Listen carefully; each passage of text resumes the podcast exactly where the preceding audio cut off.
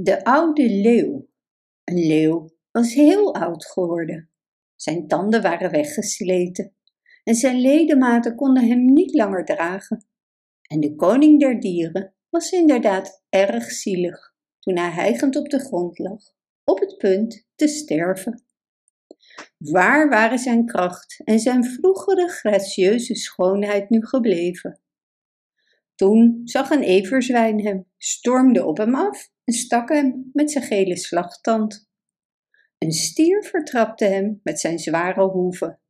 En zelfs een verachtelijke ezel liet zijn hielen vliegen en balkte zijn beledigingen in het gezicht van de leeuw. Bedankt voor het luisteren. Wist je dat je dit verhaal ook op onze website ririro.com/nl kunt lezen, downloaden en printen?